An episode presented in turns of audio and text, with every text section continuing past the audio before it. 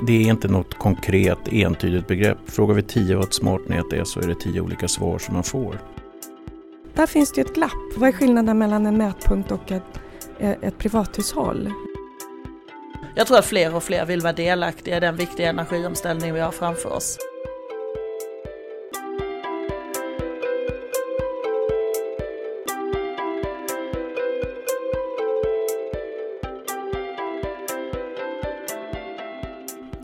Hej! Välkommen till ett nytt avsnitt av podden Framtidskraft. Jag heter Karin Bodén och jobbar vid Jämtkraft. Och jag heter Daniel Löfstedt. Och vi kommer att fördjupa oss i det här med smarta elnät idag. Någonting som det pratas mycket om, men det är egentligen inte glasklart vad det handlar om och vilken nytta det har för användaren. Nej, idag ska vi försöka närma oss svaret lite grann. Vi har intervjuat tre personer med olika perspektiv på det här med smarta elnät och först ut är Cecilia Katzef. Hon eh, är forskare inom smarta elnät vid KTH. Mm. Eh, för henne är ju alltid användarens intresse viktigt i all hennes forskning. Och det första vi pratar med henne om det handlar om definitionen av smarta elnät. Vad menar vi egentligen när vi säger smarta elnät? Mm. Och för hennes del så handlar det om då att det tillförs informationsteknik i elnäten så att det blir tvåvägskommunikation och det skapar förutsättningar för att få in förnybara energikällor. Och vi börjar med att fråga henne varför definitionen av smarta elnät ser så olika ut. Jag tror att det beror på vad man har för mål eh, när man eh, i de här projekten som jag tittat på lite olika implementeringsprojekt av smarta elnät och, och då mm, har man lite olika mål med de här projekten. Eh, så det, det tror jag är en del i det hela. Man pratar om det på olika sätt. Du, eh, det har pratats om de här smarta elnäten ett bra tag och mer intensivt nu mot senare tid tycker jag. Mm. Men alltså vad händer då? Hur går utvecklingen? Eh, ja, nu, alltså, de smarta elnäten som sådana de, de finns ju i mindre utsträckning i, ehm, i pilotprojekt. Och de pilotprojekt eh, som vi har i Sverige det är ju bland annat Hållbara Hylje som är E.ON som driver tror jag. Och sen eh, Smart Grid Gotland är ett sådant projekt. Eh, I Stockholm så har vi ju eh, Norra Djurgårdsstaden. Mm. Mm. Eh, jag har säkert glömt någon men det är några av de här mm. stora eh, pilotprojekten som finns i, i Sverige. Och där, det, då är det ju hela områden på något vis som man, eh, som man implementerar smarthet i, smarthet i och ofta så är det ju nybyggda områden. Mm. Vi tittade också på, nu kommer jag på det, ett, eh, ett område i Västerås eh, eh, där man har renoverat ett miljonprogramsområde några hyres, hyresfastigheter där man har, säger att man har lagt in smarta elnät och då är det då är det teknik man har solpaneler på balkongerna och man har teknik som, där man kan visualisera elanvändningen och sådana saker. Mm. Hur går det då? Kommer man, kommer man fram till någonting? Um, jag tror att de här pilotprojekten är ju väldigt bra att man gör därför att eh, det är ju experiment för att se vad som fungerar och inte fungerar när det gäller tekniken. Men om vi tänker då tvärtom då, vilken nytta skapar ja. det här istället för mm. slutanvändarna, slutkunderna, människorna? Mm. Eh, ja, jag funderade över det. Alltså dels så är det ju Eh, det är ju det här hållbarhetsmålet. Det tycker jag, det är ju, det är ju en nytta. Vi vill ju ha ett hållbart samhälle. Vi vill ju vara miljövänliga. Så att eh, bara det i sig att få in eh, förnybara energikällor i elsystemet är ju jättebra. Det kan man ju känna att det, det är ju en nytta för oss som samhällsmedborgare. om man ska tänka mer krast så på um, hushållsnivå, individnivå, så där, vad, vad är det för nytta i vardagen? Tillgången på el, den tycker jag den är ju grundläggande. Det är liksom en, en av grundpelarna i vårt välfärdssamhälle. Och vad jag har förstått, nu är jag ingen energiexpert här, men de, smarta elnäten är ju också ett sätt att, ehm, att eh, trygga leveranssäkerheten i elsystemen. Så att det som vi har tagit för givet eh, så länge då i vårt samhälle, att ha tillgång till två hål i väggen, att det, liksom, det bara finns där.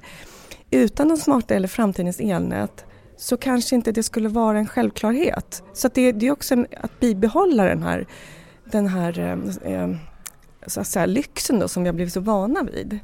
det tycker jag det är ju ett väldigt starkt värde men det är inte någonting som, som syns för hushållen idag därför att vi redan har det. Och kanske inte finns någon betalningsvilja för heller. Nej, precis. Så, att, eh, så att det här det är de grundläggande värdena. Sen kan man ju lägga på sådana eh, Alltså, värden då när det gäller att kunna styra sin egen elanvändning på distans till exempel. Det, kan ju, det kommer in i det här och liksom mer ehm, uppkopplade apparater och sånt.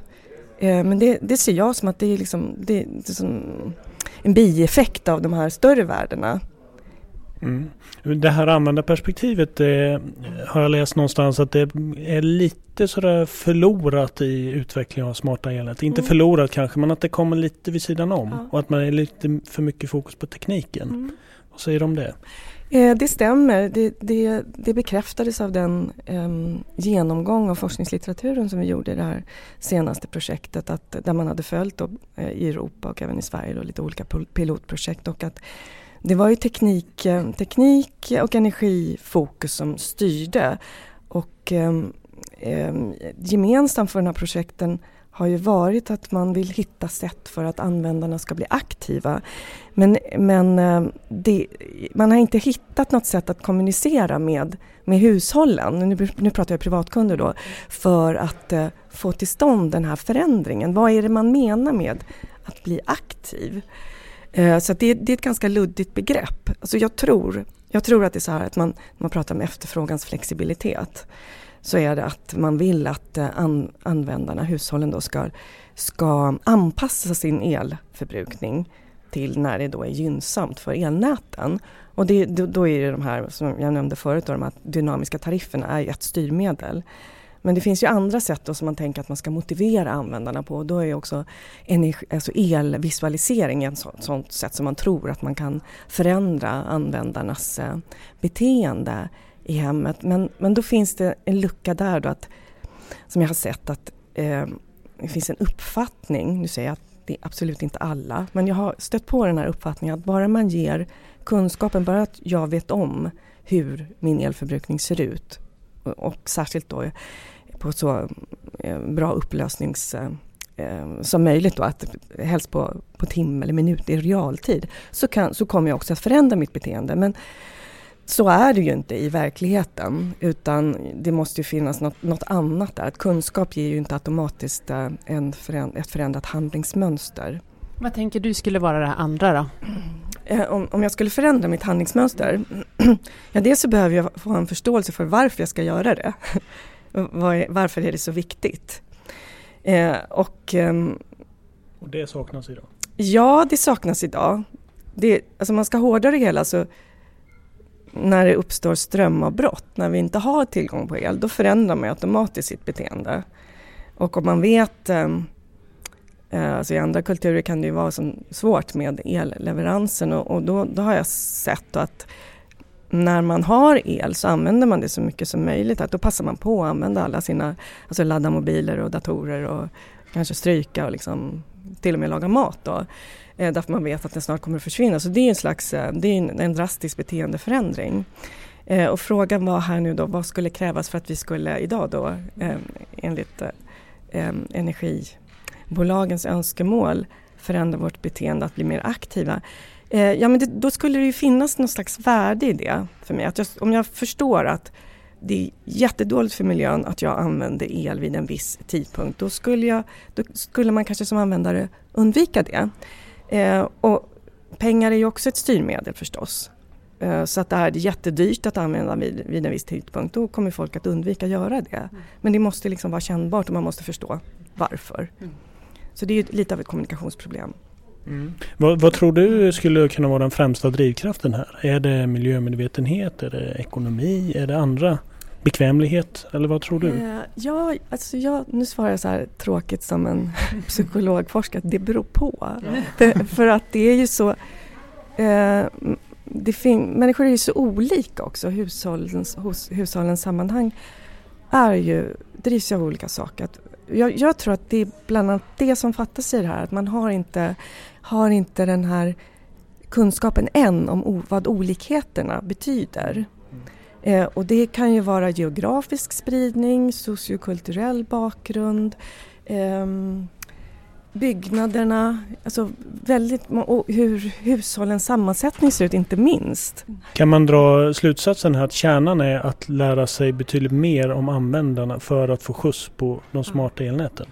Det skulle jag vilja påstå att det är en av eh, eh, kärnorna i det här faktiskt och någonting som jag tycker är jätteviktigt att utforska. Att det är där vi står nu. Och jag tror, um, jag tror också att det här är en omställning både för hushåll, alltså privatkunder eh, då som man säger, fast det är, ju medborgare. Och energibolagen som, som har ju haft en, under en, alltså ända fram tills nu faktiskt haft en syn på, på användarhushåll som mätpunkter mm. och nu blir man plötsligt människor som man vill aktivera. Mm. Och där, där finns det ju ett glapp. Vad är skillnaden mellan en mätpunkt och ett, ett privathushåll? Mm. Men hur ser du då? Hur, hur är nätbolagen där nu? Förut sa du att det var större skillnad på det, men hur, hur, är det någon skillnad ja, nu? Alltså jag tycker att ser mig att man börjar söka efter den kunskapen och det är ju en början. Mm.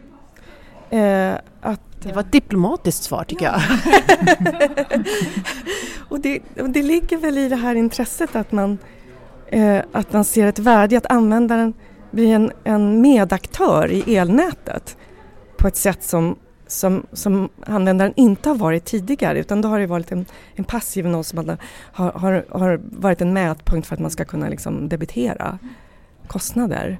Men nu, nu ska vi ju då som hushåll vara, vara del i hela det här Eh, elnätet och vara flexibla i vår användning Efterfrågans flexibilitet är ju ett sånt där nyckelord som jag har hört men det betyder inte så mycket för hushållen. Det, är också ett sånt abstrakt begrepp liksom för, för, för oss som privatpersoner.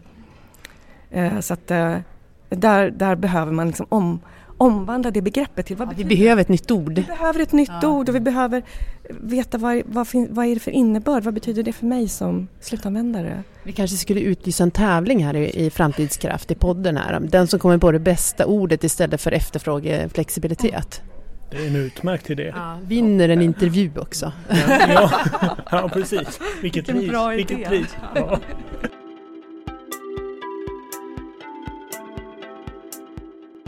Det var Cecilia Katzef. Här fick vi med oss många intressanta aspekter av det här med smarta elnät. Och nu går vi raskt vidare till energibranschen och ser hur de resonerar. Mm. Bosse Andersson, som vi ska träffa nu, han är VD för Lokalkraft Sverige. Det är en organisation som samlar ett 40-tal energiföretag som har stort fokus på elnäten. Vad är smarta elnät för honom då?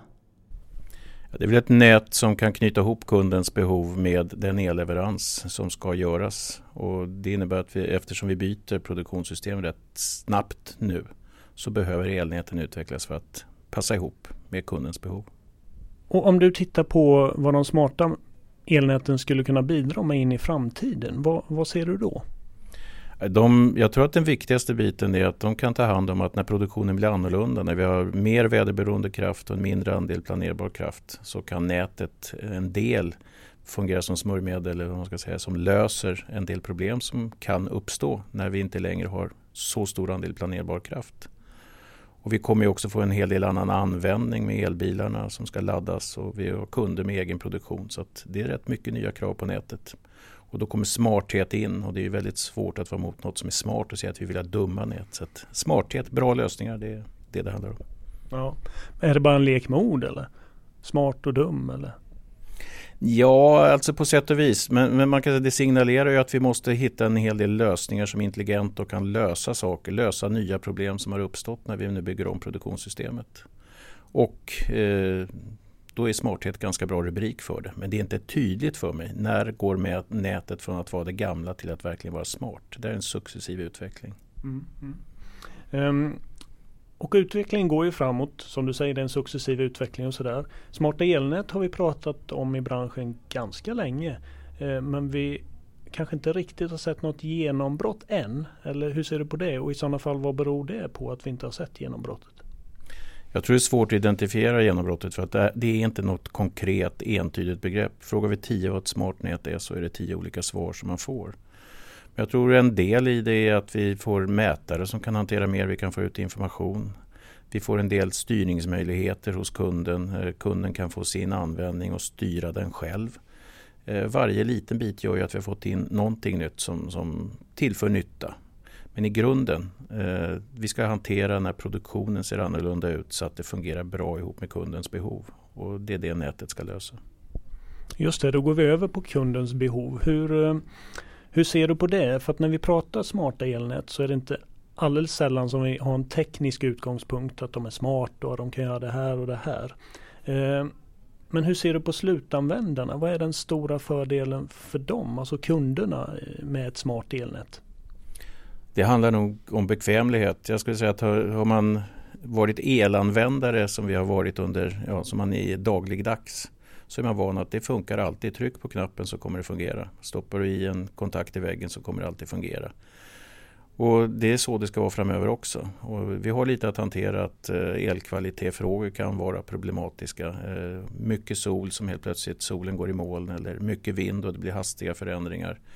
Det ska lösas och det, det gör vi med, med nätkonstruktioner. Och det kommer finnas lagringslösningar för att kunna spara el och kanske kunna använda vid, vid toppar och så vidare. Så det är nästan fantasin som sätter gränsen. Men undan för undan hantera så att kunden fortfarande tycker att det är smidigt och fungerar bra.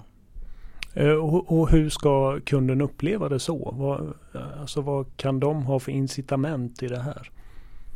Alltså man kan fundera på det. Behöver de uppleva att det blev obekvämt ett tag för att sen gilla att få lösningar? Eller kan vi se till att vi förändrar och utvecklar nät och hela systemet så att de slipper uppleva obehaget på vägen? Och det senare är naturligtvis bäst. Men jag tror att det kanske kommer bli så att i en del områden där man bygger ut väldigt mycket ny decentraliserad produktion, det går lite för fort och man inte har anpassat systemen, då kommer man uppleva problem.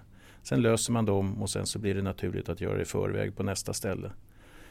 Eh, men lite knagglig väg framåt ibland och ibland kommer det vara hur smidigt som helst. Sen tror jag att kunden dessutom med, med system som är smarta och fungerar ihop med, med elpriser som varierar över tid. Eh, att system kan vara med och kapa kostnader för kund. Det tror jag kan bli viktigt för vi kommer få pristoppar på en mer volatil marknad. Ser du någon nytta i att, eh, att kunderna kan bli en större drivkraft i utvecklingen av smarta elnät?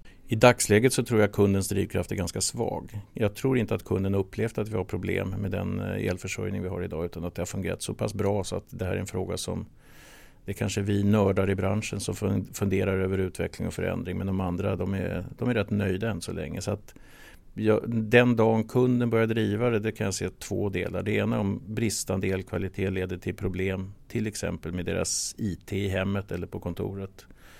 Eh, det andra är om, om elförsörjningen utvecklas så att det bitvis blir väldigt dyrt. Då kommer man vilja ha möjligheter till att lösa det.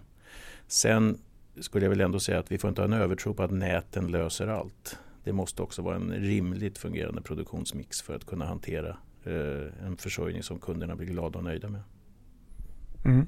Och utifrån det, tror du att eh, vi kommer få mer aktiva kunder tack vare ett smart elnät?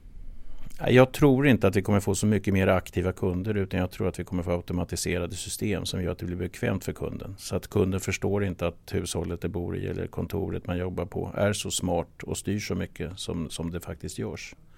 Men det kommer mycket nytt. Eh, men jag tror att de flesta kunderna är mer intresserade av att lampan lyser eller att datorn funkar än hur det blev så bra som det blev. Så att smartheten den eh, får ligga i bakgrunden tror jag. Mm. Eh, tack så mycket Bosse Andersson för att du var med. Ja, tack. Trevligt att få vara med ett tag.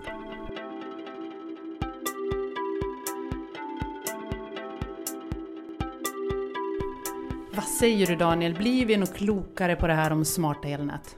Ja, det tycker jag nog ändå, men det är inte alldeles enkelt. Cecilia och Bosse tangerar varandra och kompletterar också varandra. Men samtidigt vill jag gärna in myndighetsperspektivet. Mm, då gör vi så. Vi hör med Energimarknadsinspektionen om hur de pratar om det här med smarta elnät. Jag heter Therese Hindman Persson. Jag är chefsekonom på Energimarknadsinspektionen. Hur skulle du vilja definiera smarta elnät? För mig är smarta elnät sådana elnät där man använder ny teknik eller smarta komponenter för att förbättra elnätets förmåga att ja, överföra el med hög leveranssäkerhet. Mm. Och om man blickar in i framtiden, vad skulle du vilja säga att de smarta elnäten kommer kunna bidra med? De, eh, de kan bidra med väldigt många olika saker. I smarta elnät för mig, i det begreppet, så ryms det är både tekniska och administrativa lösningar egentligen som leder till att man får ökad flexibilitet. Eh, för att man kan utnyttja elnäten bättre. Ur kundperspektivet, som vi kommer säkert att prata mer om, eh, så är den tydligaste nyttan kanske att det är möjligt för kunderna att utöva ett inflytande genom att skapa att man kan göra mer val på marknaden. Eh, kan, Vad kan det vara för val? Ja, att man kan styra sin förbrukning, att man kan utnyttja nya produkter och tjänster. Eh, det kan leda till ökad energieffektivisering. Eh, ur ett samhällsperspektiv så ser man väl att smarta elnät bidrar till att vi kan använda den energi vi har på ett mer effektivt sätt. Eh, vi undviker att använda energi som, som har en negativ inverkan på klimatet. Så att vi kan få en mycket effektivare resursanvändning. Vi kan få mer el från sol och vind. Vi gör att vi kan integrera det bättre i elsystemet. Vi kan också få en högre leveranssäkerhet i elnäten genom att vi får den nya tekniken kan hjälpa oss att felsöka bättre. När vi pratar smarta elnät så är det ofta en teknisk utgångspunkt. Vi pratar om smarta komponenter, vi pratar om teknik som utvecklas. Eh, hur går det med användarna i det här? Vi utnyttjar i dagsläget eh, inte potentialen fullt ut med smarta elnät. Precis som du säger så finns tekniken redan. Eh, och det är ju väldigt bra. Men användarna är inte riktigt, de är inte riktigt där än. Och det är ju igen, och för att få till hela potentialen så måste de komma med. Och för att de ska komma med så måste de, man måste som kund känna att det finns ett, ett värde i att vara aktiv för mig. Jag måste se nyttan med det och där tror jag att man behöver, det handlar inte bara om priset, men en effektivare resursanvändning på sikt leder ju till ett lägre pris för kunden. Det handlar också om att man kanske som kund gärna vill delta i energiomställningen. Man vill bidra till att vi får en mer hållbar framtid. Att vi får ett bättre klimat. Och det kan man göra genom den här, de här tekniska lösningarna. Jag behöver inte vara aktiv så tillvida att jag behöver ratta själv på massa saker eller på mina apparater som kund. Utan den nya smarta tekniken kan göra att jag har att automationen hjälper mig att vara aktiv helt enkelt. Att jag genom att antingen köpa en värmepump exempelvis som har en viss styrfunktion eller så kan jag köpa en styrutrustning separat så kan jag vara aktiv med min värmepump utan att jag begränsar min egen komfort eller att jag egentligen behöver göra så mycket. Mm. Är, det, är det här vi ser incitamenten? Du pratar lite om ekonomi i början mm. men sen pratar du framförallt om en, ett hållbar, alltså man bidrar till hållbarhet och resurseffektivitet och sådär. Är det där du tror att vi kommer se användarnyttan? Eller jag tror ju som, som nationalekonom så tror jag ju väldigt mycket på resurseffektivitet. Men det är ju svårt som kund att se den omedelbara nyttan kanske med det, för det tar ju också lite tid innan det har gått, innan man verkligen ser det i, i prissänkningar på marknaden. Så jag tror att för att få en stor effekt snabbt så tror jag att man behöver informera kunderna om möjligheten de har att bidra genom att vara aktiva. Att, genom att utnyttja den nya tekniken och mer smart teknik, att de kan bidra till att vi får in mer sol och vind i våra system. Och det i sig leder till en bättre framtid. Så jag tror det. Jag tror att det är en viktig fråga precis som det har varit väldigt viktigt när man har motiverat eh, människor att sopsortera och, och jobba med de bitarna där man inte har någon priseffekt på det viset. Mm. Så, så att um om man ska konkludera så, så är det här någonstans det kommer röra sig. Alltså, men just nu så, så är, är inte elkunden tillräckligt informerad. Eller vad är det, vad är det du tror på kan komma? Ja, jag tror att det behövs mer, eh, mer information och mer kunskap. Många kunder kan ju det här eh, och det är inte så att alla kunder behöver vara flexibla, absolut inte. Men jag tror att det behövs mer information om hur jag kan bidra. Vad innebär det att jag som kund är flexibel? På vilket sätt hjälper min flexibilitet oss allihop egentligen mot en mer hållbar framtid. Det tror jag inte alla känner på samma sätt än. Men med mer information och, och tydlighet så tror jag att vi kan komma dit. Mm. Vi pratade i en av intervjuerna här tidigare om att efterfrågeflexibilitet är ett svårt ord. Vad säger du om det? Skulle man kunna fundera i någon annan term eller? Det kan man säkert. Just nu har jag ingen annan term sådär på lager.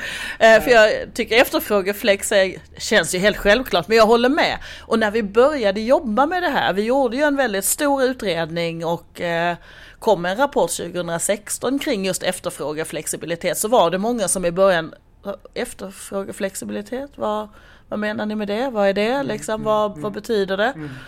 Sen visade det sig att det fanns väldigt många, det är inte bara hushållskunderna, det finns väldigt många andra aktörer också, både industri och andra verksamheter som där man redan var väldigt flexibel och eh, där man jobbade med det här men man kallade ju inte det. Man var ju bara egentligen effektiv i sin resursanvändning själv. Mm.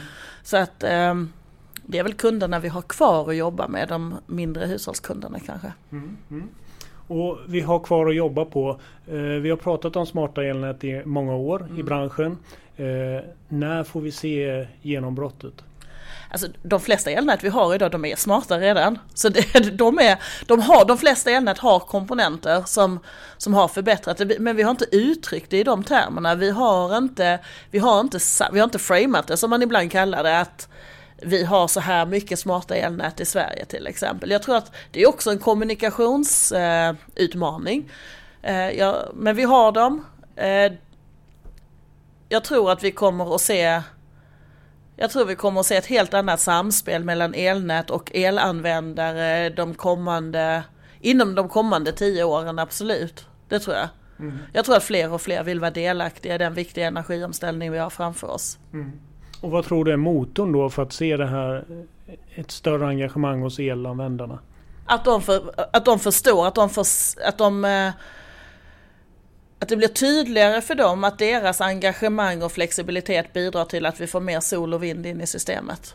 Mm. Det är ett väldigt konkret bidrag man kan göra genom att vara aktiv. Och att det är samspelet mellan, precis som du är inne på, bara tekniken räcker inte utan man, det är ett samspel mellan mellan teknik och användare. Mm. Mm.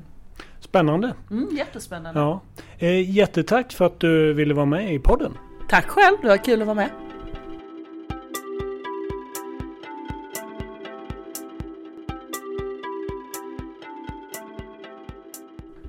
Ja men då har det väl blivit dags att, att dra liksom lite slutsatser av det här? Ja, det är inte alldeles enkelt, eller hur? Det är därför jag lämnar över ordet till dig. Ja, tack så mycket. Nej, men alltså vi, vi har ju tre olika perspektiv och som vi nämnde tidigare så är det de tangerar varandra men det är också lite olika perspektiv och det är inte alldeles lätt att få en sammanfattande bild. Men något man kan säga är väl att eh, det finns ändå ett hopp till ett hållbarhetsdriv i det här. Och ska man få till det, då är nyckeln att användarna kommer in för att det ska bli något. Mm. Samtidigt som jag vet att SKI, Svensk kvalitetsindex, har gjort en undersökning bland kunderna, bland, bland privatkunderna, vad som skulle få dem att bli mera flexibla i sin efterfrågan på, på el. Och de säger, kunderna svarar tydligt där, ja men det handlar om att vi ska tjäna pengar på att förändra vårt beteende. Mm. Så i den undersökningen så är det prioritet ett och hållbarhet är prioritet två, klart. Mm. Mm. Ja, nej men det, det är som sagt det är väldigt eh, mångfacetterad mm. fråga och, och, svårt att liksom peka på en rak och tydlig linje vart det här bär oss. Men diskussionerna kring elnäten och vad elnäten kan göra, den är intressant och här kommer vi se väldigt mycket tror jag. Sen om det kallas smarta elnät eller vad det kallas, men det finns stora möjligheter i elnätsutvecklingen. Helt klart. Ehm, sen tänker jag också på det här att att utveckla elnäten till att kanske bli då smartare som, som vi pratar om här handlar ju också om att bibehålla den, eh, den elleverans vi har idag. Som också nämns mm. Eh, och diskuteras i, i de här intervjuerna. Och det tycker jag är ett intressant perspektiv. Att det, det måste vi också komma ihåg. Mm. Och sen tror ju inte jag heller, som någon var inne på, att det handlar om prylarna i sig som ska vara smarta. Utan det här ska ju ske för att kunderna ska ta till sig det här så ska det ske per automatik. Allting ska ju mm. hända Utan att du ska behöva logga in på olika devicer eller appar och styra en, en lampa och så vidare. Det är inte det det handlar om, utan det här ska ske per automatik. Mm. Mm. Ja, men det låter som en bra framtid. Absolut. Som alltid är i framtidskraft. Alltid en ljus framtid i framtidskraft. Ska vi tacka för uppmärksamheten? Det gör vi. Det gör vi. Tack för uppmärksamheten. På återhörande. Hej då! Hej då!